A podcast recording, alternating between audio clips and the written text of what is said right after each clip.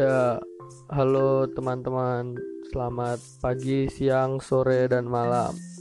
Eh, Pertama-tama, saya akan memperkenalkan nama saya terlebih dahulu. Nama saya Satria Prabaswara Priatmojo dari kelas 10 IPA 2. Eh, di sini saya akan menjelaskan tentang hubungan antara pandemi virus corona dengan lingkungan sekitar. Sebelumnya, saya akan menjelaskan apa itu virus corona. Virus corona adalah virus yang menyerang sistem pernapasan manusia. Penyakit penyakit karena infeksi virus ini disebut COVID-19.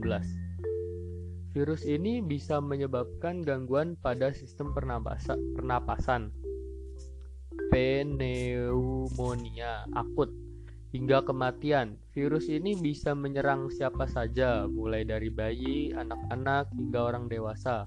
Manusia dapat tertular virus corona dengan mudah. Contohnya, tidak sengaja menghirup percikan ludah atau bersin dari penderita virus corona. Virus ini pertama kali ditemukan di kota Wuhan, Cina, pada akhir Desember 2019.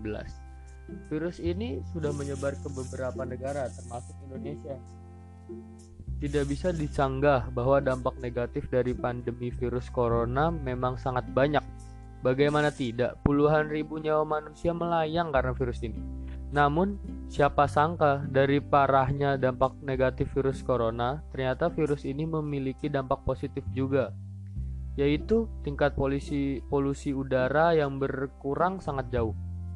Satelit di langit Cina menunjukkan tingkat polusi yang menurun sangat jauh semenjak lockdown. Bahkan selain itu, bertetapan dengan lockdown di Italia terjadi penurunan emisi gas buang dan asap dari pabrik di Italia. Hal ini dapat terjadi akibat lockdown yang membuat orang-orang tidak beraktivitas di luar rumah. Aktivitas manusia yang berkurang secara langsung membuat penggunaan kendaraan bermotor menurun dan asap dan dari pabrik semakin berkurang. Hasilnya, keluarnya polusi dari asap kendaraan bermotor dan asap dari pabrik menurun. Uh, sekian yang dapat saya sampaikan pada pada podcast kali ini. Hmm, terima kasih sudah mendengarkan. Wassalamualaikum warahmatullahi wabarakatuh.